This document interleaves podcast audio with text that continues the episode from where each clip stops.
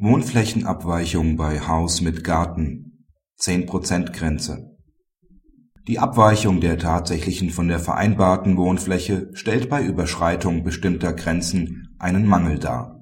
Dies gilt auch bei der Anmietung von Einfamilienhäusern mit Garten.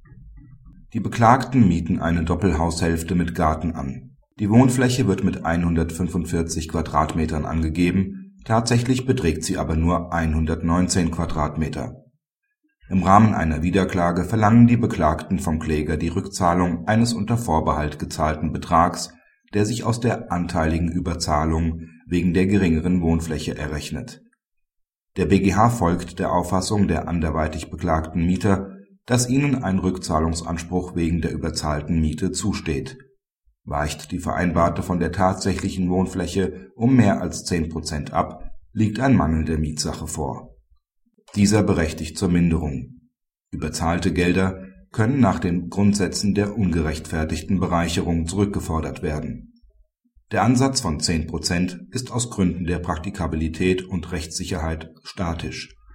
Toleranzschwellen sind nicht gerechtfertigt, weil dies zu Unsicherheiten führt.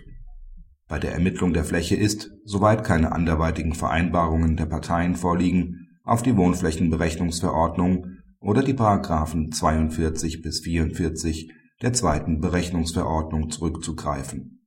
Dies gilt für alle Gebäude, weil die Wohnfläche einen wesentlichen Faktor für den Nutzwert einer Wohnung darstellt. Sonstige, die Flächenberechnung beeinflussende Faktoren sind daher nicht zu berücksichtigen. Praxishinweis Der Entscheidung ist zuzustimmen. Für die Rechte des Mieters ist es gleichgültig, ob es sich bei der Wohnung um ein freistehendes Haus, eine Doppelhaushälfte oder um eine Wohnung handelt. Ebenso ist für die Beurteilung nicht von Bedeutung, ob das angemietete Objekt einen Garten hat. In diesem kann der Mieter nicht wohnen. Für seine Entscheidung, den Vertrag auch unter Berücksichtigung der Wohnfläche abzuschließen, dürfte die Größe eines Gartens oder anderer Nebeneinrichtungen nicht von ausschlaggebender Bedeutung sein.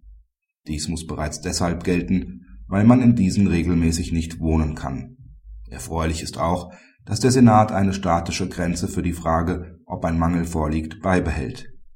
Jede andere Beurteilung hätte zu erheblichen Unsicherheiten geführt. Prozesse wären von Unwägbarkeiten belastet.